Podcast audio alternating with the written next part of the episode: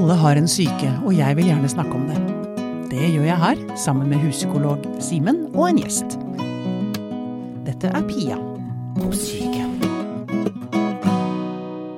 Du Simen, tenkte du mye på hva du skulle ha på deg i dag? Eh, akkurat like mye som hver morgen. Og hvor er- mye er det? Sånn Det er veldig, veldig lite. Ja. Jeg har eh, de tingene jeg eh, trenger, og det bruker jeg stort sett hver dag. mm. Jeg har eh, fire stykker av den samme olabuksa, og så er det en eh, T-skjorte og en skjorte over det. Ja. Og ja. Ja. Prøver ikke å gå med samme skjorta to dager på rad, men uh, Noen ganger skjer det, ja. Uh, ja. Vil du si at du er opptatt av ditt eget image? Uh, hmm. Kjennes liksom litt for naivt å si nei. Vi er jo kanskje alle det, men ikke Mye, mye mer enn vi kanskje liker å innrømme, egentlig. Ja, jeg tror det. Ja. Men det er ikke um, Jeg tror ikke jeg henter så mye av mitt image ut ifra hvordan jeg kler meg. Jeg tenker i hvert fall veldig litt over det. Mm. Men det er kanskje andre ting, men det kommer vi sikkert tilbake til. Nå skal vi nemlig snakke en del om eh, image og eh, klær og selvbilde osv. Vi har fått med oss jeg holdt på å si, Morgenbladets Klara Klok når det kommer til alt som har med estetikk å gjøre. Velkommen hit, Ragnhild Brochmann. Takk. Likte du den introduksjonen? Er det, stemmer det med imaget ditt? Ja, det, var så, det kom så brått på. Altså, hva, skal, hva skal jeg si? Klara Klok er det lenge siden jeg har tenkt uh, For det første har jeg ikke tenkt meg selv akkurat sånn. Nei. Men Klara Klara Klok kan det umulig være noe gærent med, så det bare tar jeg imot og Ja, ja. henger på meg rundt halsen. Ikke sant. Du, eh, du skriver jo om uh, estetikk, altså om det er påskepynt eller Netflix-serier eller eh, slipsknuter, har du vel også vært borti. Hvor viktig vil du si at imaget er for oss mennesker? Nei, imaget er jo ekstremt uh, viktig, og så er det jo Jeg tror egentlig at du stiller meg to spørsmål. Det ene er jo uh, selvbildet i en uh, kultur hvor man dyrker et selvbilde. Altså vi dyrker hverandres eh, idé om, og vår egen, ikke minst, idé om hvem vi er. Det er på en måte det ene aspektet. Og så på den andre siden så tror jeg at du egentlig spør meg om hvor interessert er vi i klær. Ja. Enkelt og greit, på en måte. Altså det, Mm. For de to tingene henger selvfølgelig sammen. Og med tanke på image, så er det klart at helt siden vi ble såkalt eh, svært moderne, og eh, vi bikker eh, 1800, og vi kommer inn i et samfunn som ja, som virkelig føler at det putrer i gryta. Vi industrialiserer oss, vi urbaniserer oss, vi lever sammen på helt nye måter. Det er mye mer eh, sosial mobilitet, ikke sant. Inn i dette inferno eh, av et samfunn som vi lever i skyggen av nå, som jeg tenker på det. Da, eh, da er det klart at eh, da får vi også de romantiske poetene og en helt ny tanke om fy fader, vi må tilbake til det egentlige mennesket. Ikke sant? Vi må bli mer autentiske, vi må vise hvem vi er. Ikke sant? Vi må leve i pakt med den indre, eh, store og høyere ideen om å være noe mer enn bare små brikker ikke sant? på et sjakkbrett. Og, og den tiden der setter jo et likhetstegn mellom indre og ytre som vi ikke har hatt før i samfunnet på samme Mm. måte. Og når vi får et likhetstegn mellom indre og ytre, altså at vi er de vi ser ut som, så blir jo det et eh, det er et veldig potent premiss sant, for å være et menneske i det hele tatt. Og så blir det mer og mer krevende å leve opp til det, særlig når vi kommer inn på 1900-tallet og alle i større og større grad har en slags følelse av å bli fortalt at det er mulig for deg å bli en stjerne, eller bli en advokat, eller å komme deg ut fra sant, Gården. eh, gården Mm. og, og inn i byen og bli noen. Mm. Uh, og der vi er nå, i tiden vår, hvor vi alle sitter og podkaster og formidler våre spennende identiteter og ikke sant, kler oss eller eh. Kler oss opp eller kler oss ned, ikke sant, og sier at vi bryr oss, ikke bryr oss. Altså, vi er jo på et kokepunkt av uh, Jeg tenker på de siste ti årene som en slags sånn profesjonalismens æra. Ikke Ja. sant? Eh, På 80-tallet kan godt si at det også var det, at det var jappetidens og, og images supertid, men nå er vi inne i en slags sånn vi en slags sånn image-skruestikke nå, da, fordi at alle bør jo, og kan, med sosiale medier også, eh, ha Bygg- stor kontroll over dette bildet. Ikke minst hvis du sier at jeg bryr meg ikke, jeg bare legger ut noen, noen hyggelige bilder av meg selv av og til. Så, Mm. så tror jeg at alle er Vi er født inn i en kultur hvor det er veldig vanskelig å ikke bry seg. Ja. Men for image er jo også mye mer enn klær. Ehm, ikke sant, vi har altså eh, Hvor mye du tjener, hus, bil, båt, eh, alt det greiene der. Eh, vekten din, kanskje. Eh, intelligens, intellektuell kapital. Det tenker jeg er veldig, veldig viktig i min krets, liksom. Men dette her eh, styres vel veldig mye av hvor vi vokser opp. Hva slags familie vi vokser opp i, hva slags venner vi har. Altså, Um, når vi sier at vi skal bygge vårt eget image, er det egentlig vårt eget image vi bygger, eller bygger vi bare tilhørigheten til flokken vi har lyst til å tilhøre? Ja, det er jo den evige nøtta, da. Her tenker jeg, her er vi jo ikke sant, dypt inne i gruppepsykologien. Mm. Ja, og, Det er, til, det er tilhørighet. Ikke sant? Det er Mm. tilhørighet, og, og det er jo klart at klær er jo en ekstremt viktig markør inn i det. For, for å gå tilbake igjen, bare for å legge det historiske fundamentet igjen, så er det jo klart at i gamle dager så var det mye mer sånn at man kledde seg opp mot den sosiale strukturen, og kongen helt fra middelalderen her var ufattelig opptatt av å si hvem som fikk lov til å gå med hva, fordi at det var veldig viktig å regulere samfunnet. Og kongen ga beskjed om hva man fikk lov til å ha på seg? Ja, sånn og sånn pels får du ha, sånn Å, får du ikke ha. Purpur avhengig du ikke ha. av hvor du Ja, var i ja, hierarkiet, liksom? Ja, og de, de som var Disse fargene sammen kan du ikke gå med. og- Ja, disse fargene kan du ikke gå med, de er dyre, f.eks. Purpur. Meg, meg, meg, meg, meg, meg. Eller Ludvig den 14., som hadde verdens første virkelig nydelige høyhælte vestlige sko. Jeg kan ha røde høyhæler, syns jeg er utrolig fint. Du kan ikke ha det. Mm. Og så blir det jo selvfølgelig som det alltid går, da, med konger som er moteriktige. Det blir mote, skrekk og gru. Vanskeligere og vanskeligere å regulere. Det har aldri fungert, men de har vært utrolig opptatt av det som heter sumptuary laws på engelsk, som heter, eh, hva skal vi si, overdådighetsforbruksregler på norsk, da. Så, så alle de som har vært på toppen til alle tider, har prøvd å regulere det sånn at alle må vite at det er jeg som er best. Mm. Se på meg, da. Det er Mm. jeg som er på toppen. Se på hermelinkappen min, da. Mm. Den kan ikke du ha. Det er ikke lov. Eller man forsøkte f.eks. For å eh, Jeg tror på renessansen også, så sa man sånn Ja, hvis du er prostituert, så kan jo ikke du gå med sånn pels. Som en vanlig fin kvinne, for da vet du ikke hvem som er hvem. ikke sant? Så vi har Mm. vært utrolig opptatt av å regulere samfunnet sånn at vi ser der er bakeren, smeden, embetsmannen, kongen. Mm. Og det, de reglene har jo aldri noen villet spille etter. Eh, fordi klær selvfølgelig er mye mer enn status og klasse. Det er å prøve å uttrykke seg kreativt og prøve å, å se hvem man er på en annen måte. Selv før vi ble moderne og liksom tenkte helt annerledes. Mm. Så det er jo noe med at samfunnet har alltid hatt lyst Vi har alltid hatt lyst til å regulere oss selv gjennom sånn vi ser ut, for da vet man jo hvem som er hvem. Og når vi får store urbane samfunn, så blir det jo så innmari vanskelig. Det går ikke. Ja, og da blir det enda viktigere med kultur og subkultur, for plutselig så har vi veldig behov for å si at jeg vet ikke hvem jeg er i den store byen, men jeg er i hvert fall glad i rock. Og når jeg kommer og flytter fra bygda inn til Oslo f.eks., da kunne du ha på i hvert fall trange speaker jeans Og en sort og skinnjakke. en Ramones-T-skjorte og en skinnjakke, for da Mm. visste du jo Og vips, så har du identitet Ja, så- og tilhørighet. Og du har kanskje venner. Ja. Ikke Ja. sant? Så det er jo noe med at jo, jo tettere vi lever, jo mer behov har vi for å, å fortelle hvem vi er, og samtidig jo likere blir vi også, kan man jo godt si. Ja, for jeg tenker, altså det er jo ikke så lett å altså Det er jo, som du sier, mange subkulturer. Det er ikke så lett å tolke alle disse tegnene. Nå begynner jeg å bli såpass gammel da at det, det er ikke så innmari jeg, jeg prøver ikke så hardt lenger. Men jeg vil tro at unge må slite som dyr for å liksom forstå alle disse kodene og eh, plaggene og far... Jeg, vet- da søren jeg hva de altså, Hva tenker dere om det? Er, det- er det ikke er det? Liksom? er det, ikke mer, er mer komplisert i dag, for å stille et litt mer åpent spørsmål, da? Ja, enn da du var ung, tenker du? Ja. Eller i gamle dager, da alt var så mye bedre. Du Nei. kan svare først, til psykolog Simen. Fortell Pia om, om, hun, om, hun, om hun slet mer eller mindre enn de gjør i dagens samfunn. Ja, når du var, om Pia sleit mer når hun var ung enn når du er ung? Ja, da vi var ja, Du er litt yngre enn meg, da. Mm. Hvem sleit mest? Det er det som er konkurransen Ja, da, da tar episoden en uh, Brå vending. Ja, og ubehagelig vending. oi, oi, oi. Nei. Um, jeg har også hørt at det går raskere nå enn det har gjort noen gang før, Mm. med trendendringer. Du lurer på hvordan klarer de å henge med, fordi det skjer så innmari mye. Mm.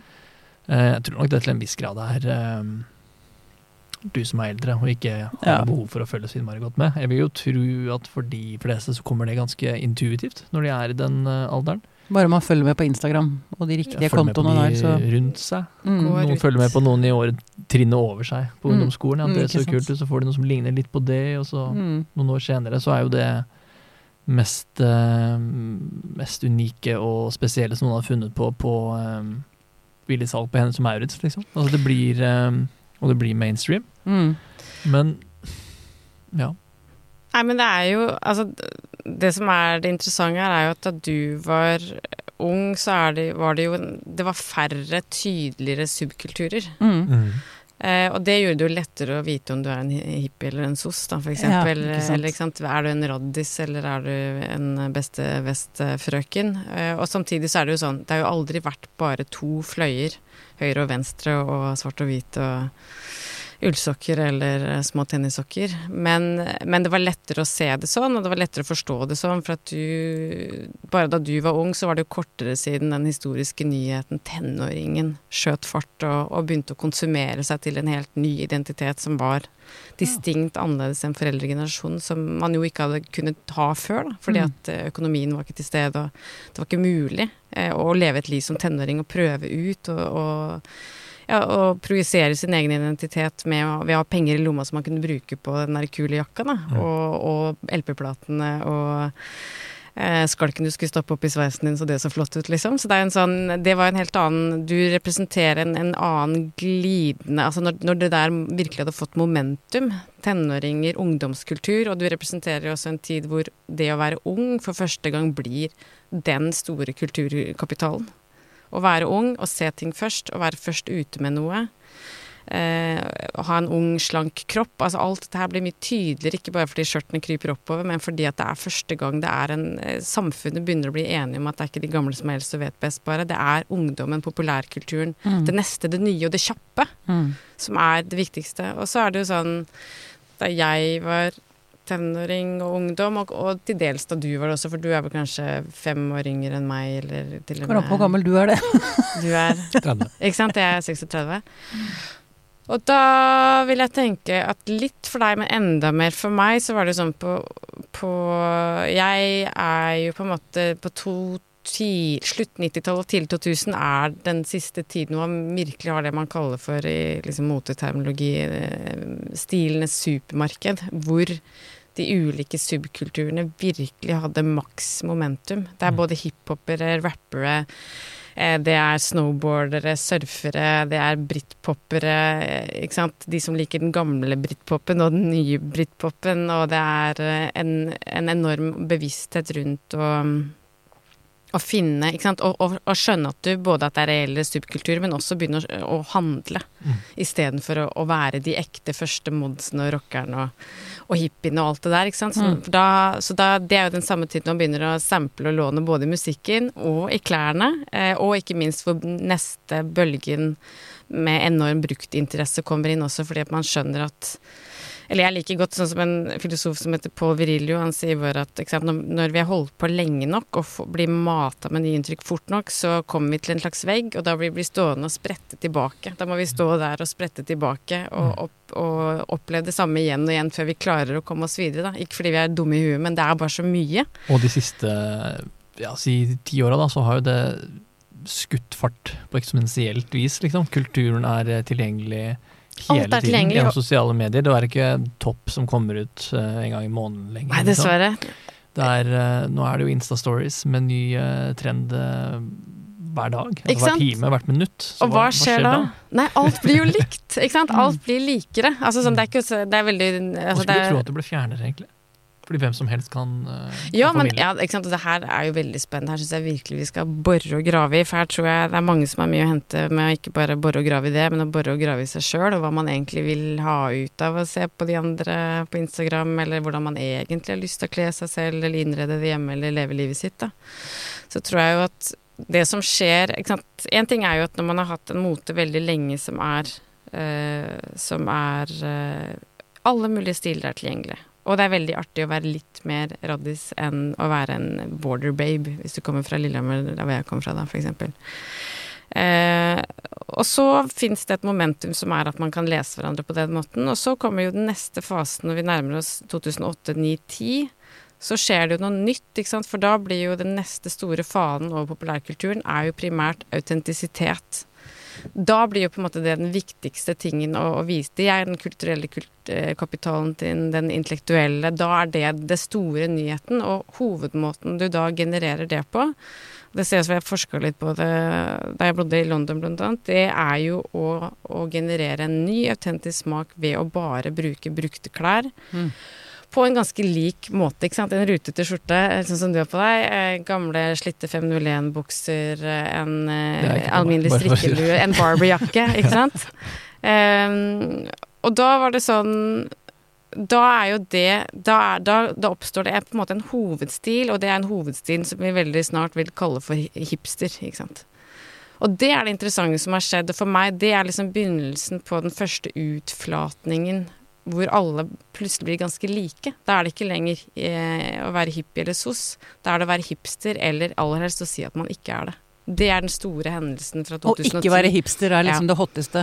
For å være ja, ja. hipster, Ja. hipster er først det hotteste, og så med alle store bevegelser som alle bare tenker sånn Shit, da er jeg, er ikke, jeg er ikke sånn teit som går etter de andre idiotene, liksom. Jeg, det er jeg i hvert fall ikke. Nei. Så det er på en måte Det for meg er liksom eh, begynnelsen på den neste hva skal man si, forflatning frem til vi er der vi er nå, der hvor alt ser litt likt ut. For da kommer på en måte hipsterisme. Så er det normcore som man driver med, eller absolutt ikke driver med. Så er det en variant som heter gorpcore, som er bare litt mer sporty og litt mer sånn som folk går nå. Og så er det jo bevegelser over det som er feminisme, det kjønnsnøytrale, kjønnsoverskridende aktivisme. eh, Interesse for bruktklær igjen nå fordi klimasaken er ekstremt viktig, og mer viktig enn autentisitet, på en måte, enn den var da forrige bølgen var. Ikke sant? Så det er en del Men det kan se ganske likt ut. ja, det ser veldig likt ut. Ja, ja, det ser ganske likt ut. øh, Og hovedforskjellen er jo på en måte at øh, hipsterismen, eller hipsteren, markerer en sånn veldig tydelig figur som jeg tror- tror alle vet hvem er, på samme måte som alle vet hvem hippien var. Alle Mm. vet hvem raddisen på 80 og tidlig 90 var. Og alle vet hvem, i hvert fall hvis du er litt inne i subkulturen, modderen er med modsveisen og den slanke dressen og Mm. tynne lille slipset. Mm. Så vi, vi, vi skaper ikke så mange ho- Og alle vet hvem rapperne er, selvfølgelig. Så vi Mm. skaper ikke så mange sånne hovedtypologier. Eh, men det er veldig lett å føle nå at jo mer vi kikker oss sveiseblinde på Instagram, så blir vi ikke likere. Vi blir for heller litt mer aversjon mot å gjøre noe, tror jeg, kanskje. Eller man Eller, vi, eller jeg tror kanskje også vi går og bare oppmagasinerer og tenker sånn, fader heller, hvis jeg i det hele tatt skal få uttrykt noe personlig, da er det snart så jeg må ta en slags timeout. Ja, men fordi det ender med at nesten uansett altså, det, Kanskje noe av det verste man kan gjøre, er å kopiere andre. Ja, det er jo, men sant, her er vi i trendens herlige ambivalens. fordi på den ene siden så er det sånn, det er veldig få i verden som lager eh, rå ny kunst, musikk, eh, TV-programmer, radioprogrammer, eh, kulturelle uttrykk i det hele tatt. Mm. Eller tenker fantastiske nye ideer i hva som helst andre slags felter. Eh, så dem er det få av. Og så er det jo eh, i mote som alle andre felt, og så kommer de som er veldig kjappe med å snappe opp det de første gjør. Og det er jo liksom Det er ikke noe gærent i det. Det er bare at de har det genet. Det er sånn wow, du er kul. Shit, liksom. Noen er jo bare sånn du er helt herlig. Jeg bare, det henger jeg meg på. Eh, og så er det jo de som går og vaser rundt og er litt interessert her og litt interessert der, og så bare er de med. Og så kommer de som dilter til slutt, et som bare får det med seg to-tre år etterpå. Som f.eks. er folk som er veldig mye eldre, og som ikke er så interessert i at ting skal gå fort. Mm. Eller bare fordi at da produserer jo Sara uansett de klærne som har vært rundt i tre år allerede, så du får ikke kjøpt noe annet, på en måte. Mm. Men jeg tenker at eh, Eller jeg satt og tenkte litt på det der Det er faktisk akkurat i går. Jeg satt og tenkte sånn, Det er så lett å bare synes at det er teit å være en sånn som følger etter og henger seg på trenden. Men man kan jo også tenke det sånn at det handler jo om å mm, Det er jo også en måte å, å si at ok, er det sånn man speiler samfunnet nå, da? Ikke sant? Det er bedre å, å skifte parti hvis du til slutt skjønner at partiet du har pleid å stemme på, kjører miljøet i grøfta, f.eks. Så er det Mm. fint å bytte istedenfor å være utrolig standhaftig og bare ikke liksom være med. Så jeg tenker at noen ganger er å få seg en rutete skjorte er å bare være med. Mhm. Nå er det det vi holder på med. Vi er interessert i en, en hyggeligere tone, mindre Og det kan være ok. Ja, ikke Ja. sant. Det kan jo også du, det. har- du har modna, du da, mindre i opposisjon. Og, ja, ok, dette kan være ok. Ja, nei, jeg kommer jo være til evig opposisjon bare på den måten at jeg er utrolig opptatt av at, eh, at jeg speiler meg og mine preferanser, da, selvfølgelig. For dette er jo min private lek. Jeg er veldig opptatt av at det er min lek. Ja. Klær er min lek. Det er en veldig kul måte å se på det på. Men fordi jeg tenker for, for unge, så lurer jeg på øh, Dette kan jo fort bli en eh, eh, noe som håper å si dreper eh, livsgleden deres, ikke sant? Fordi de skal på død og liv ikke skille seg ut, må passe inn, må være riktig, må være kule. Ja, noen, da. Noen eh, bruker jo mote til det Hun kaller det mote, jeg vet ikke om det er riktig, men eh, stil til det helt motsatte. Og markere avstand. Og eh, Men da tenker jeg, er du ikke da Da er du ganske sterk, tenker jeg. Det er mulig at jeg, det er litt sånn enkel Ja. måte å se det på, men da Det er jo Jeg tenker jo at det er jo det aller Men det er ikke alltid de som du ville sett på som sterke og dominante, er de som skiller seg ut i klesveien. Noen ganger kan det være en stemme for de som ikke har, um, har det så mye i kjeften også.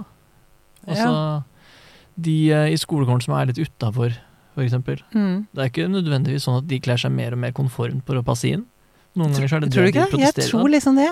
Nei, det er det ikke Tenk på alltid, en altså. emo-jente som Tenk står Ja, emo, bak jo, jo, ja, ja. bakerst i skolegården Ja, ja. og røyker. Som skriver 'All cops are bastards' på brystet. Ja, men jeg tenker at hun er ganske sterk, da. Ja, det er jo et definisjonsspørsmål, men det er ikke nødvendigvis sånn at det er hun som er eh, dominant i det Nei, miljøet. det, det er jeg enig i, men, men hun har en eller annen indre styrke, tenker jeg. Klart de har det, absolutt. Mm. Men det er ikke en styrke som nødvendigvis kommer fram på så mange andre måter. Nei. Og da kan det være mm, et fint eh, område å få lov å utfolde seg litt på. Jeg Mm. syns i hvert fall jeg har sett det. Hvis du eh, Det kan være noen som blir krenka av dette her, men på venterommet eh, på BUP så Mm. er det ganske mange kreative klesuttrykk. Ja. Ja. Er det ikke bare spor Hvor er det spor 19? Spor 19, ikke sant? Det er jo et eksempel. fenomen for alle som bor i Oslo. Der møter man jo alle de som eh, Jeg vet ikke, det føles jo litt Det er det nærmeste Dette har ikke jeg hørt om, så nå føler jeg meg skikkelig gammel. Ja. Hva er spor 19? Spor 19 er det var, Jeg vet ikke om det fortsatt eh, er det, men det var i hvert fall et område på Oslo S hvor eh, kids som var utafor fra Ja. rundt om, møttes og hang. Og det ble en egen sånn Kultur- Ja, med en slags sånn emo Altså, jeg syns det er veldig morsomt, for at de De hang på den butikken eh, Hva het den igjen? Hvor de eh, kjøpte alle disse Jeg tenker du Bodymap i gamle Ja, dager? ja, Ja, for den finnes jo ikke lenger på Arkaden. Nei. Men eh, jeg husker jeg syntes det var helt sånn Når man kommer fra bygda og kommer til Arkaden og Bodymap Altså, herregud. Det var jo bare At det finnes et sånt sted. Ja, da var jeg virkelig midt inne i storbyen. Mm. Var med og kjøpte Altså, kan tenke deg den flause settingen for storebroren min. Hele familien på tur i Oslo skulle være med og kjøpe bukse. Til en storebror som skulle prøve å finne seg sjøl. På Utafor familien på Bodymap. Og så tenker jeg noen ganger på henne som en sånn ultima, apropos krenkelse, som en ultimat familiekrenkelse. på en måte At alle elsker vi sto sånn andektig utafor, sånn at det ikke skulle bli for mye trykk på stakkars storebroren min. Da. Ja. Fant han seg sjøl til slutt? Han fant i hvert fall et par oransje og svartstripete bukser. Ja.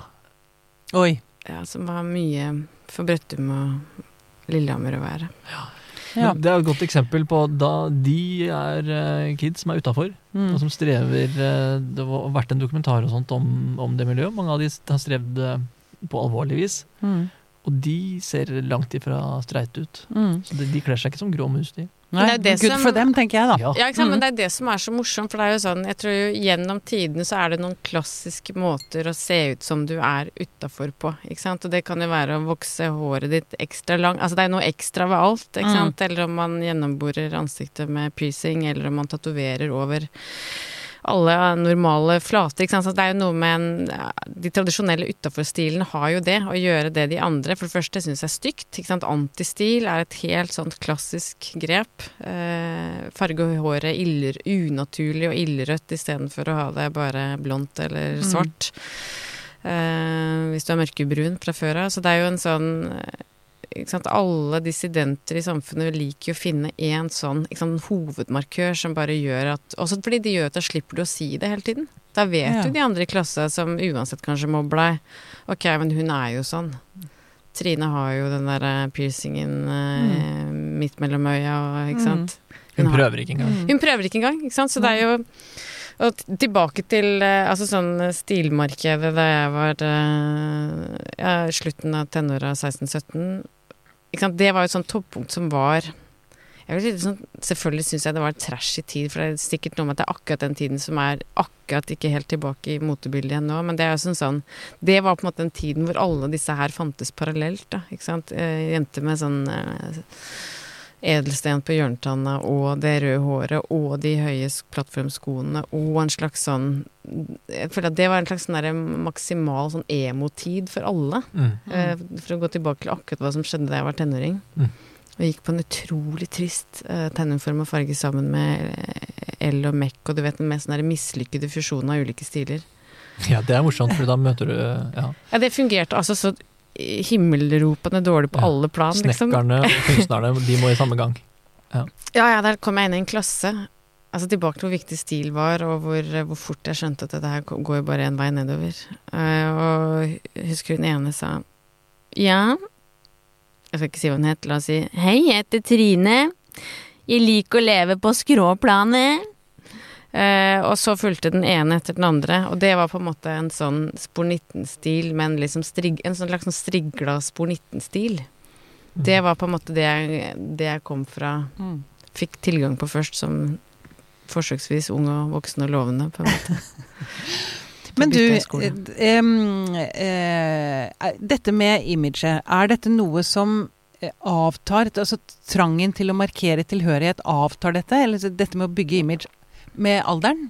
Ja. Altså når vi blir klokere, forhåpentligvis tryggere i oss selv. Altså har dette med imagebygging eh, Har det med Altså det, det bidrar vel også til at man finner seg selv, faktisk. Ja, og ja. sin flokk. Absolutt. Um, og så når man vokser til og får familie, så er det ikke så viktig lenger. Kanskje. Nei, og her, her er det noe veldig interessant. Her tenker jeg vi skal snakke litt om kjønnsforskjeller eh, også. Og det som er virkelig interessant med det der, er jo at når man er ung, så er jo premisset Finn deg selv. Finn ut hvem du er, og nå i våre dager gjør det litt kvikt, sånn at du bruker kort tid på utdanninga og blir en profesjonell eh, person som ikke belaster samfunnet og kan kjøpe deg bolig før du er eh, 22. Men, men det er en sånn det er jo en idé om at det er eh, både riktig, spennende, formativt og sunt å prøve seg gjennom forskjellige stiler. Og man går fra spor 19 til å bli en sprangrytter tilbake til å være et sted midt imellom. Ikke sant? Det fins en Mm. åpenhet i samfunnet rundt at det er spennende og viktig. Mm.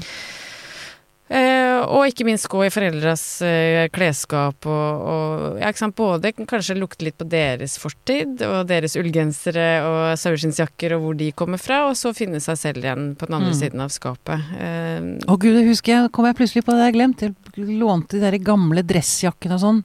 Og anorakken og ullgenserne til bestefar og sånn. sant? Ta på oss historien, se om den Mm. passer, eller om vi har kommet lenger, eller om det er riktig å revitalisere det. Men, og ikke minst så er det jo Og det, er det syns jeg er veldig interessant, for jeg tror at bare da du og jeg var tenåringer og ungdommer, så var jo musikk hadde enda mye mer med klesstil å gjøre. Litt mindre nå, altså det tror jeg man bare kan slå fast. Eh, og da var det jo ikke sant, Musikk jo en, har jo vært en kjempe, og historisk også for tenåringer, kjempeviktig driver for hvem man kler seg som og allierer seg med, om det er Madonna f.eks., som er en av tidenes viktigste stildrivere, og, og opphavet til begrepet å være en wannabe, f.eks., kommer jo fra en talentkonkurranse. Med hvor jenter kledde seg ut som henne. Ikke sant? Og Mm. endelig så fikk man stjerner som var bare superlett å etterligne, og det var kjempefristende. Eller om man var en sånn britpopper à la Blur eller Oasis da jeg var sånn 16-17. Som indie-rockeren. Indie-rockeren, ikke sant. Det er en seigliva, eh, seigliva skikkelse som helt sikkert kommer til å få en eh, tilbakekomst uh, idet vi er ferdig med et opptak og går ut igjen eh, på døra. Men det er en sånn ikke sant? Så musikk er kjempeviktig. Bare igjen, da, igjen da, jeg tror mer viktig kanskje da vi var unge også, hva slags filmer du så på. eh, Indie-filmer eller blockbuster. Altså, ikke sant? Da var det jo liksom mange måter å, å få klærne dine til å passe inn i en, en helt litt puslespill som hadde med å utstråle alle de verdiene. Og sånn vil sikkert mange tenke om seg selv som er unge nå, altså, men, men jeg husker at tenkte ikke bare med at det var populært med T-skjorter som sa et eller annet, eller viste et eller annet band eller en eller annen filmplakat, men, men, men det var jo sånn man fant hverandre. Jeg føler at hele samfunnet var litt mer sånn folkehøyskoleaktig. At man snakket eh, referensielt da, på den måten. Hadde sett masse, sett masse bilder, lest, eh, lest Altså delt referanser på en sånn måte, istedenfor at alt var eh, strømmetjenestebasert. Og det er selvfølgelig en generalisering, men, men at det føltes mer sånn. At det var om å gjøre å, å være en sampler, da, og en stylist og en Ja, og du måtte jo og du måtte kjøpe før i tida. Ja, du måtte kjøpe. Mer aktive valg som forplikter ja, Ja, ja, mer, men nå har du tilgang til alt som van. Ja, ikke sant, bestille fra Amerika. Eller liksom hvis du kjente en eller annen kul Ja. person som bodde i et annet land, som Mm. Kunne du si sånn Ja, jeg har den her Tom Waits-genseren som jeg har fått av en som var på konsert, som bor i Atlanta, liksom. Var helt bare sånn herre Shit, har du en sånn kontakt på hånda?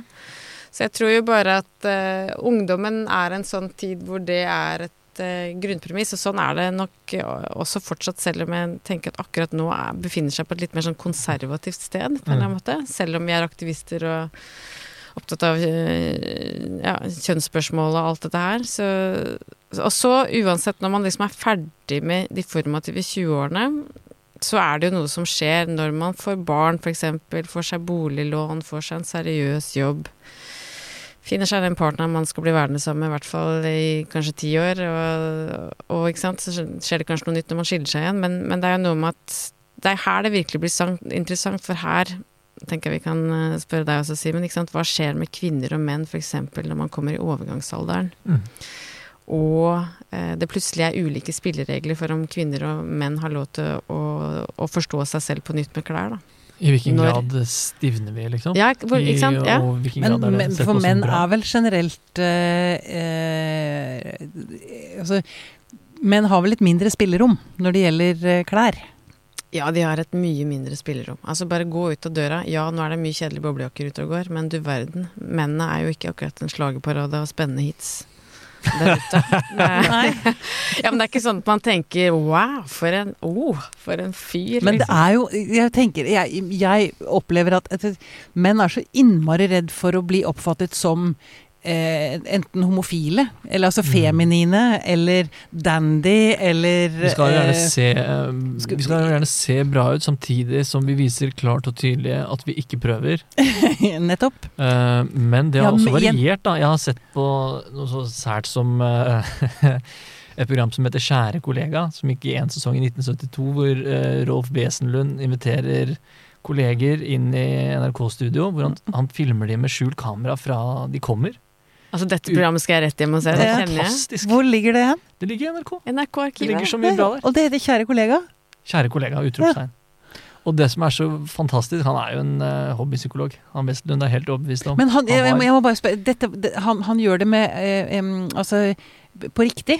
Ja, ja, ja altså, det er autentisk, altså, det er ikke et skuespill, liksom? Første episode starter med at han forklarer premisset. Mm på vesentligst vis. Og så kommer Leif Juster inn en studiodør, mm. og så blir han møtt av en assistent som spør han om skatteprosent og adresse og sånn. Og de, alt er med. Og dette er skjult kamera. Og så setter de seg i studiostolene som om de var på Skavlan. Mm. Men det er ikke bemanna kameraer, så de vet ikke at de er filma. Og det alle mennene gjør i denne sesongen, er at de setter seg ned, og de eh, får speil. Og han ene, nå husker jeg ikke hvem det var, jeg tror ikke det var Leif Juster sjøl, men en dame kommer og prøver å ge han, sier nei, nei, nei, vent litt, det må jeg gjøre sjøl. Fordi jeg har en kam som er uh, skreddersydd etter tykkelsen på hårstråene mine. Og han andre står, han ene snakker om hvordan uh, Og dette er liksom sånn uh, machomenn, konger uh, på haugen-typer. Men jeg er veldig opptatt av kameravinkler. Uh, dere må ikke se dobbelthaka mi, og det er mm. min stygge side, osv. Og, så og det slår meg som helt naturlig det var greit å se ordentlig ut og være ordentlig jålete. Det er liksom slipsnåler og stramme slips og Ingen hadde blitt uh, tatt av en motredaktør i slipsknutedebatt. Det, sånn. det er den subtile jåletheten. Det, det, det sånn, ja, men de bærer det på strak arm, da. Ville, de ville ikke innrømmet det Nei, men de, da levde man jo en tid som har en, en, fordel som du ikke har, og det er jo bare kutyme er reelt. Mm. Og, det er, eh, og, det er, et fag å beherske. Mm. Du blir lest på om du er god eller dårlig til å knytte slipset ditt, om mm. du vet Sleiken eller ikke vet. Sånn sånn. Ja, hva et godt jakkeslag er og ikke, og hva et godt erme er og ikke, og gode skuldre og ikke, og, og gode sko, ikke mm. minst, som er utrolig viktig for en mann som altså har veldig lite handlingsrom. Men det er det som er så, er så interessant, og ganske trist òg, da, må jeg si at jeg syns at det er jo en Vi liker å tenke at vi er ja, kommet langt og likestilt og moderne og alt er mulig. og Mm. Kvinner og menn har akkurat samme. Spørsmålet om likestilling i det temaet her ville vært at uh, menn skal um, komme opp på hesten igjen og bry seg mer, eller om eh, Nei, men, damer skal slippe å bry seg så mye? Ja, men sant, det er det som er det interessante. er Hva er det å bry seg mye og lite også da? ikke sant? For i bunnen her så handler det jo om hvordan har mennesker behov for å ikke bare pakke seg inn for å passe på kroppen mot klimaet, men hvordan har vi behov for å uttrykke oss? Og det som er, sant, det, som er det historiske eh, bakteppet for dine følelser og Rolf Wesenlunds følelser, er jo at på 1700-tallet så begynner jo kvinner og menns garderobe å skille seg dramatisk. Og før det så kler kvinner og menn seg akkurat like voldsomt. Ja, for det var høye hæler og pels og Ja, ja, farger og ja. blonder og rysjer og Ja, ja, masse, masse, ikke sant. Savnet sånn Skulle du gjerne hatt litt mer sånt i dag, Simen? Ja, men sant? Hvis, man på, hvis man tenker på De tre musketer, så er det sånn at det var helt reelt på den tida at man, man går i krigen, og da har man eh, en egen type strømpe med en, en blonde på toppen som skal ligge over de høye støvlene. For det er sånn man gjør det når man går i krigen. Mm. Og det er jo klart at eh, liksom gjennom, og særlig på 1600-tallet, når det begynner å røre seg litt med den sosiale mobiliteten, og det gjelder jo mest menn, selvfølgelig, og da blir jo klær for menn helt vanvittig viktig, for det er her du som ser Dette er ikke bare en oppkomling om parveny, men det er en fyr som virkelig mener det. Han har god smak, han kommer ikke fra liksom store, flotte kår, men han har gjort det godt på akademiet f.eks. Han fikk til militærkarriere. Ok, han kan vi ta med. Og klærne inn i det verdensbildet der er enormt viktig, og det er mennenes spill å spille. Det er de som får, har hovedaksjen i, det, i den Mm. nye muligheten der. Så f- fram til da så er det, ikke sant, hvis man bare tenker på De tre musketerer, altså noe de kjekke altså, bare se, bare bare tenk på De tre musketer. Altså, det dåner jo bare av tanken. Sant? Nydelig vide skjorteermer og flamboyante vester og liksom, hattene laget av beverfilt. Altså, det er bare Men skulle du gjerne at mennene gikk mer kledd sånn i dag?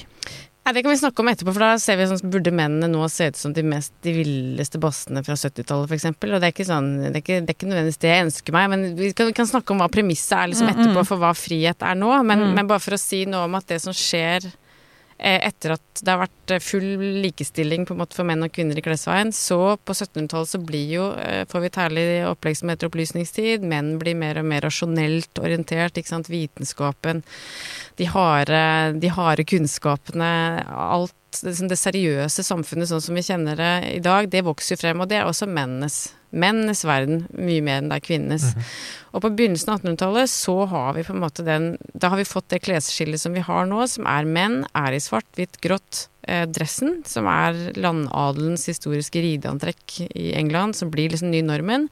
Og det er normen fordi både fordi at englenderne ikke vil være sånn de utrolig teite, fjåsete franske jålebukkemennene. Men de mente at de satt på oppskriften til hvordan skal seriøs, rasjonell, flott mann se ut nå? Og det militære er en kjempeviktig driver. Fordi at de har jo nå profesjonalisert seg, og det nye mannsidealet er å være rett, strunk, ha bredt bryst, smal midje, smale hofter. Det er masse jåleri, men det er pakket inn i en dress som er noe av det mest avanserte skredderkunsten i hele verden og gjennom alle tidene, men det ser enkelt ut. Og jo enklere mannen blir, og jo mer han blir koda rasjonell, og jo mer det er han som er ute og erobrer verden, og jo mer kvinnene er hjemme, som skjer virkelig på 1800-tallet, at mannen kan forsørge henne og hun sitter hjemme og strikker og broderer og passer på familien, jo mer vokser det fram et ideal om at mannen skal kle seg enkelt, rasjonelt, nøktern, for sånn er jo mannen. Det er han som eier og driver verden, og det er Mm. han som eh, sitter på alle pengene, og han er den som er ikke sant, eh, intelligensen og fornuftens kraftsentrum. Kvinner, vi er eh, overfladiske, vi er eh, de myke, de ikke sant? Vi har eh, temperament som går i alle retninger, vi er opp og ned, vi er hysteriske, vi er opptatt av trivielle ting. Og moten blir det fortalt, ikke sant, også av viktige sånne samfunnsøkonomer som Torstein Webelen, som er kvinnesakskvinne. Veldig dumt for oss, for han sier at moten er det verste som har skjedd. For damer særlig. Mm. Det er kvinneundertrykkende hardt og grundig. Vi er trofékoner uh, som henges på armen til mannen fordi det viser hans velstand, så mote er latterlig. Og det er Et kjempevanskelig. smykke. liksom, Ja, vi er et smykke, øh, og det er kjempevanskelig og kjempedumt for mote. Fordi det, det betyr jo at alle som er interessert i mote og uttrykker seg, selv om de har tusen personlige, kreative, interessante tanker og sitter med et nydelig håndverk mellom hendene, er jo koda dumme, da. Mm. Hvis man skal si det litt enkelt. Mm. Og der, den arven har vi jo sterkt med oss fortsatt. Eh, og det er, det, det er en eh, et hangarskip det er vondt å vende for at vi skal prøve å tenke annerledes, da. Ja. Det er en enormt lite likestilt tanke i bunnen av hvordan vi kler oss. Stadig vekk. Begynner det å Det slår meg ute på gata nå, begynner det å jevne seg noe mer ut. Jeg syns dagens Og jeg For det første så har jeg skjønt at en, nå har jeg faktisk blitt gammel nok til at jeg er totalt kobla av det som skjer av trender og moter. Jeg syns Mm. det ser veldig mye som ser veldig rart ut. Jeg syns det. Ja? Jeg syns det. Ja, jeg syns Hva er det det. som ser rart ut, da? Um, sånne, den 90-talls-comebacken med bolleklipp og runde briller og litt store pastellfarga collegegensere og baggy jeans og store Ja, du er ikke med på den?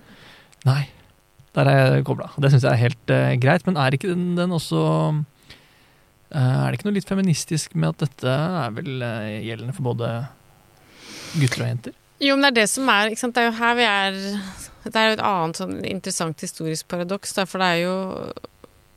Nå er vi jo i en periode hvor også kvinnemoten er veldig lite romantisk, f.eks. Det er lite 50-talls uh, nydelige kjoler med smal midje og blomstermotiv og ikke sant? Det er forholdsvis nøkternt, det er eh, forholdsvis androgynt, det er veldig mye bukser, det er Vi er på andreloopen av 90-tallet, for den begynte jo Mm. sammen med hipsterismen rundt Mm. 2010, så det har vart og gått utrolig lenge. Og det handler jo også litt om hva slags eh, hva slags klesdepoter alle vintage-leverandører sitter på. Altså Det er ikke så mye 40- og 50-tall lenger. Det er mye syntet fra Øst-Europa. Vet du, Jeg snakka med en, en sånn dealer som sa at uh, for det første kom japanerne og kjøpte opp utrolig mye når det virkelig begynte å pike eh, rundt 2010, av de gamle, gode tingene.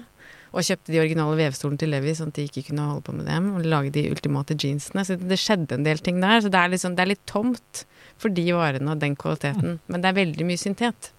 Så det har vi mye av. Så derfor kan vi også ta på oss 90-tallet, både det ekte og det falske. Mm. Eh, men eh, jeg tror at eh, Jeg tror at sånn som når du føler at, at du er At det ikke er noe for deg, så er det jo også tilbake til nettopp det der med at når man ser sin egen barndomsstil komme tilbake på samme måte som jeg er minst begeistra for kanskje 99 2000. For da var jo jeg like gammel som de som går med klærne nå var. Mm. Mens jeg alltid Jeg elsker nitt- tidlig 90, det damete 90-tallet. Mm. Trodde jeg jo lenge jeg kunne ha for meg selv. Jeg opplevde at jeg hadde det helt for meg selv. Og nå har de unge rakkerne kommet og tatt det, og det syns jeg er dypt ubehagelig, selvfølgelig. Så da må jeg jo bare ha de høye linbuksene mine helt til de andre kvitter seg med dem, da, er jo strategien min nå. Og det kommer til å ta veldig lang tid. Ja. Nei, ikke så lang tid. Jeg tror ikke det, egentlig. Men tr tror eh, Eller eh, hvis man ser litt fremover, da. Hvilken vei tror du det går nå? Jeg bare husker, jeg, jeg hørte for mange mange år siden, og jeg har ikke fått verifisert det, så jeg vet ikke om det er riktig, men i gamle, gamle dager så var, visst, eh, var det visst vanlig at gutta som var ute og jobba i uka, de hadde med seg tørkle som de drev og tørket av svette og andre artige steder på kroppen. Et tørkle som de tørket med. Og så når de kom på dansen på lørdagskvelden, så at den mannen som hadde det rammeste lukten i tørkleet, han var den som dro flest damer. Wow. Ikke sant? Det, for meg, for, det er jo helt sånn derre Det er primitivt, Ja, det er primitivt. Ja. Men Og jeg, som sagt, jeg, jeg, jeg vet ikke hvor Ja. Deilig tanke, da.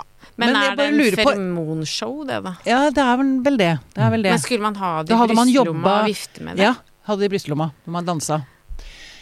Den som hadde Det er som at det hardest med rød klut på okse, liksom. Ja, ikke sant? Det er Så sånn, kommer ja. dere, så kommer Men dere tror løpende. vi Ja. Dere har ikke altså, skjønt det før. Vi har blitt Nei, vi så strigla og så ordentlig Altså, kan mot, motkulturen liksom bli at det blir råere Eller jeg ser i hvert fall det igjen, jeg følger jo ikke ordentlig med, men jeg tenker dette med å gå tilbake til um, Det er så mange nå som skal dyrke egne urter, ikke sant. Flytte på landet. At vi, at vi blir mer sånn rurale, da. Tror, vi- tror vi det? At, at det er en liksom trend? Eller hva, hva ser du i fremtiden? Hvilken vei går det nå, Ragnhild, tror du? Nå skal vi være i forkant. Nei, altså Skal jeg, jeg være den tenker jo at første til å snappe opp en trend? ja, nei, det, nei, men gå ikke sant. Mm. Det vi har gjort de siste ti årene, er jo å gjøre mye av det som mine foreldre gjorde, og kanskje du, du er vel sikkert yngre enn mine foreldre, men vi gjør jo mye av det samme som eh, 68-generasjonen gjorde. Altså vi lever i et samfunn som er kulturelt, sosiopolitisk ganske har ja, ganske mange fellestrekk, ikke sant. Og Mm. det er jo de gikk med Birkenstock, vi går med Birkenstock. De gikk med fjellrevensekk, vi går med fjellrevensekk. Dyrker urter, drømmer om landet, vil Mm. ha en egen geit og en, en liten høne, Høne. eller to. Mm. Og ikke sant, har en Le Creuset-gryte eller en slemmertopp for å putte både høne og brød og unger, holdt jeg på å si, oppi den. Sant? Så det er jo ikke sant, når, det, når, tid, når, de, når de underliggende samfunnsstrømningene ligner en del, så får vi jo nesten alltid estetiske uttrykk som også ligner en del. Ja. Ikke sant? Og det er jo sånn man leser visuell kultur, er jo å, å lese det opp mot eh? Hva skjer i samfunnet, hvilke verdier er rådende, hvordan pleier det å manifestere seg, hvordan vi kler oss og spiser og drikker og, og prater, Mm. eller tenker, hvilke ideer er fengende. Så klima også, hvor sørgelig vi ordner oss, og hvor mye mote som går i alt. De beste og de første gode, store klimarapportene kom vel eh, sist gang vi var opptatt av å koke langkokt høne liksom, uten at vi husker det nå, da. Så det er jo en Jeg tenker at det vi skal gjøre nå, er jo eh, å prøve At det er fryktelig vanskelig, for det er veldig vanskelig å være menneske i det hele tatt, men vi skal jo prøve å, å finne ut av hvordan vi skal holde ut med ideer vi tror på. Altså det er jo den store, vanskelige jobben med å være et godt menneske, tenker jeg. Holde ut med Ja, med å være klimabevisst, ikke sant. Mm. Ikke bare putte den der grønne posa samvittighetsfullt ned i søppeldunken, eller nå er jeg litt opptatt av brukte klær og litt artig med Mm. Thais, men at man faktisk tenker Men jeg skal sånn- til New York i ja, påskeferien. ja, ja, men Mm. det, det er jo nettopp det å ikke si sånn Jeg syns det har vært så fint når korona har blitt kjent med ungene mine, liksom. Altså, da handler det om å følge opp det på den andre siden, eller huske på hvorfor var livet rigga sånn at man ikke fikk snakket nok sammen, eller lagd god nok mat, eller liksom. Så Mm. det er jo noe med Det vanskeligste er jo å prøve å å forbruke sånn at det føles eh, som en interessant del av å være et kulturelt menneske, eller et kultivert menneske, og ikke som en som skal ha ting eller dekke noen behov, eller Og vi gjør jo veldig mye fordi vi bare er rastløse og kjeder oss, ikke sant. Mm. Det er jo noe med den der impulskontrollen, ikke bare på nettshopping, men bare at vi hele tiden har noe At vi har veldig behov for å stimuleres, da, istedenfor å, å ja, prøve å på ordentlig skjønne hva vi trenger eller vil. Eh, ikke minst når man har, har det litt vondt eller er litt sånn Jeg tenker at mye dårlig forbrukerkultur særlig kommer jo fra det. En sånn, en sånn rastløshet. Et sånt Mm. manglende lyst. Ikke bare behov for, men lyst til å bare bestemme seg for hvordan man skal forholde seg til hva man kjøper og ikke kjøper, f.eks. Eller Mm. hvem man eh, henger med eller ikke henger med. Eller, altså, spiller over til deg, Simen. Hva skal man gjøre for å, å forankre seg sjøl? For jeg tror det handler veldig mye om det. Ja, det var et komplisert svar på hvordan Pia skulle handle i eh, Hva skal jeg kjøpe i butikken? Hva skal kjøpe det neste året, men det er jo kjempespennende det du, du sier. Det handler, om, det handler om tidsånd, og hvordan det er å være et menneske i, eh, i denne tidsånden, og hvordan syns det på alle ulike uttrykk vi har for hvem vi er. Og da klær er kanskje det mest eh, synlige, da, også hvordan vi prater osv. Men det er jo, eh, jeg tenker jo at det er jo i et eh, beste fall, da, så har man et bevisst forhold til det. Jeg tror ikke de fleste shoppingbeslutninger tas etter en sånn prosess som du beskriver. Hvordan kan jeg eh, best være et, eh, være et uttrykk for eh, kulturen jeg er en del av, som jeg ønsker å påvirke. Jeg tror det er eh, et stort problem at mange kjøper eh, ting i eh, Affekt er litt sterkt eh, ord, men det er så lav terskel. Ting er overalt. Mm. På Instagram og på Facebook får du jo eh, opp eh, reklame som er spesielt retta til deg, etter det du akkurat har kjøpt sist. Ikke for hvordan du kanskje best kan uttrykke hvem du er, og ting blir billigere, og ting shoppes fra Shippes fra steder hvor det ikke koster noen ting å produsere det, så det blir en litt sånn mindless eh, shoppingkultur. Og det er veldig mange som gjør det som eh, følelsesregulering òg, da.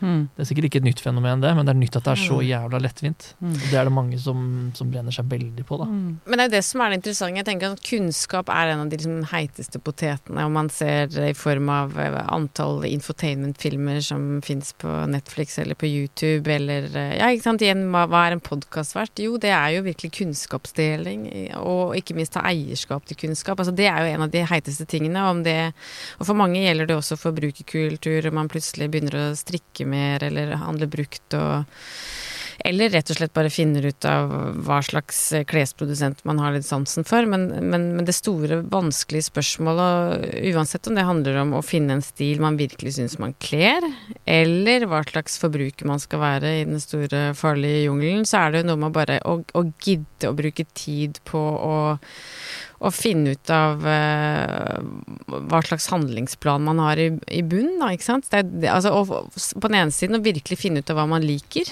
Uh, hva slags referanse man har. Et, et, hjem eller en garderobe blir jo bare interessant hvis du gidder å beskjeftige deg med referansene dine. Ikke sant? Det er jo en Nå høres det ut som du snakker om psykoterapi. Det er kjempeinteressant. Jo, men selvfølgelig. Ikke sant? Er vi har så er? Beslektede fagfelter. Ikke sant? Det det, det er jo derfor vi sitter her, uh, Få tak i referansene dine, ikke bare handle på automatikk. Ja, ja, ikke sant? så det er det som er det store spørsmålet, er jo å, å, å ikke sant? Vi skal jo ikke være like flinke til alt her i livet, eller interessere oss like mye i alt mulig. Og, så det er jo ikke det som er målet, men noe av den store nøtta akkurat når det gjelder alle de materielle objektene vi omgir oss med, så er det nå engang sånn at du trenger et visst antall klær og et visst antall møbler og et visst antall matvarer i, i kjøleskapet ditt for å, å leve så noenlunde greit. Og ingen slipper unna motekarusellen fordi at alt av klær som produseres nå, produseres innenfor en motelogikk, og, og, og sånn har det vært veldig lenge. Så du, du slipper jo på en måte ikke unna, på samme måte som du ikke slipper unna å være en, en forbruker selv om du mm, kjøper deg en liten hytte oppe i,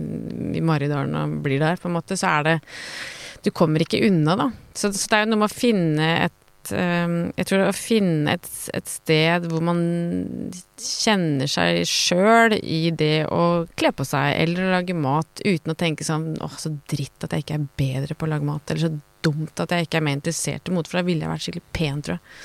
At man ikke går dit, men tenker sånn ok, ok, ok, ok, la meg nå se.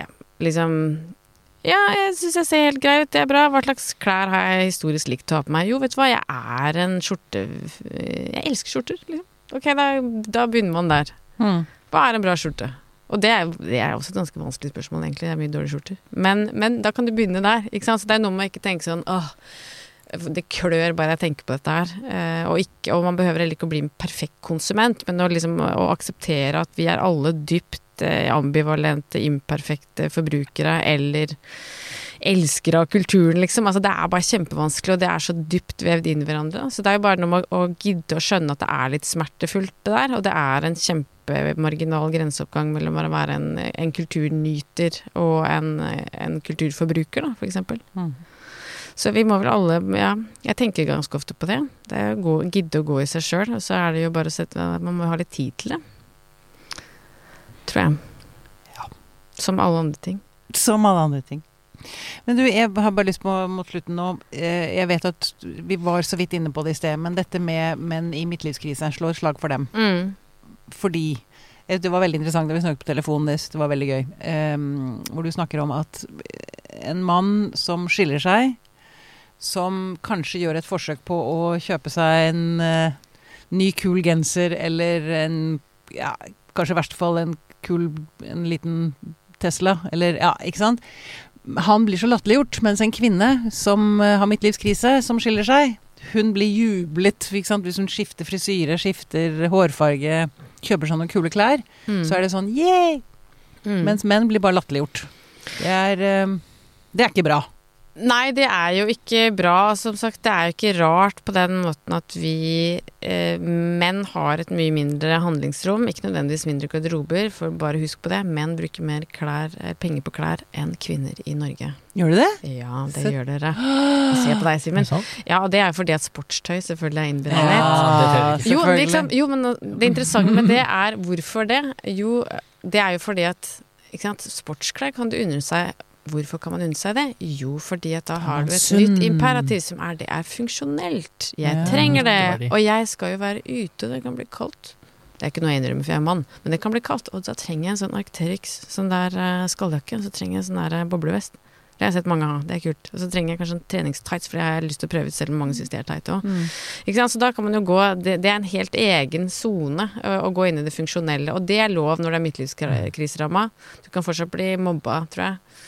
Av ungene dine, f.eks. Hvis du plutselig blotter, blotter dine genitalier med en, en flott, eh, stram, eh, stimulerende tights, men uten shorts over.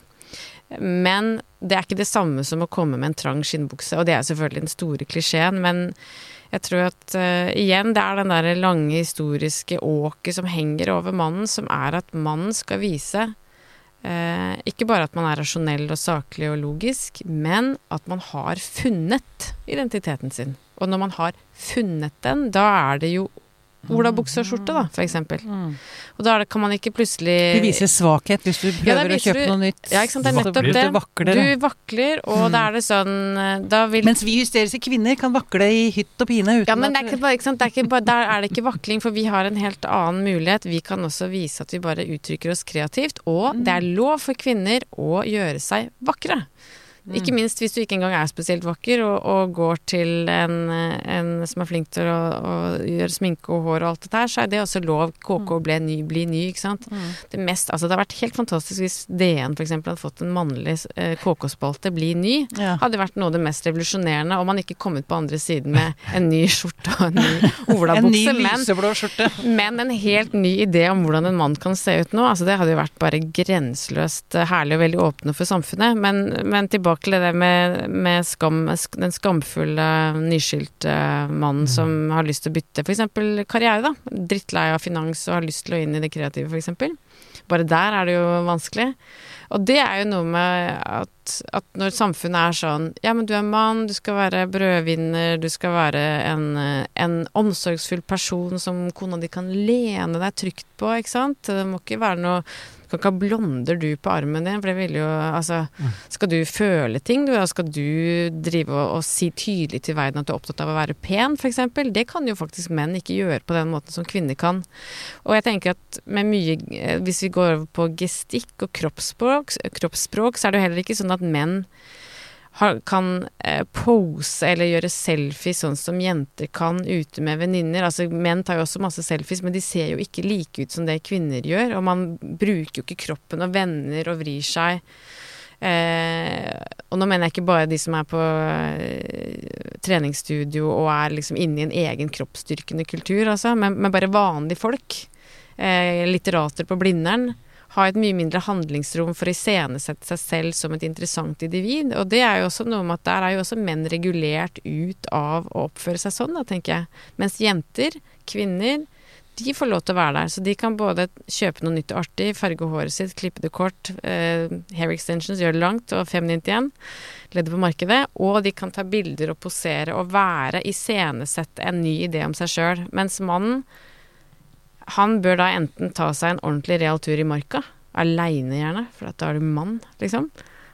Og så kan du ha nytt elgutstyr, det er greit. Men du kan ikke liksom vise bilde av deg sjøl i Paris med vind i håret og 'elsker det nye livet mitt', eh, og har farget det brunt der det var grått før, på en måte. Det er bare Det er identitetsfåpa, da, tror jeg. I hvert fall i Norge. Jeg tror jeg, jeg er veldig for den ideen din. Få noen av disse eh, toppene våre til å stille opp som Kle seg som de tre musketerer.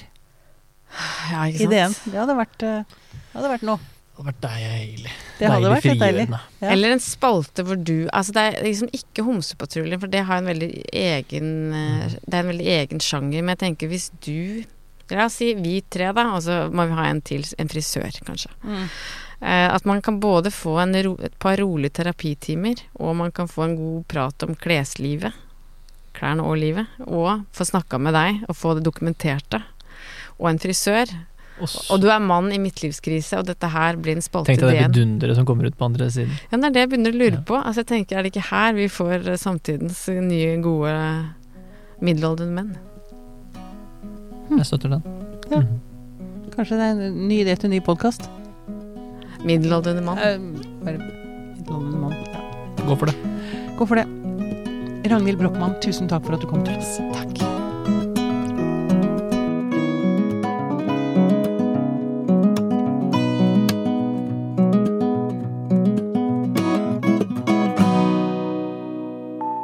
Podkasten er produsert av Tid og Lyst. Med støtte fra stiftelsen Kåre Berg.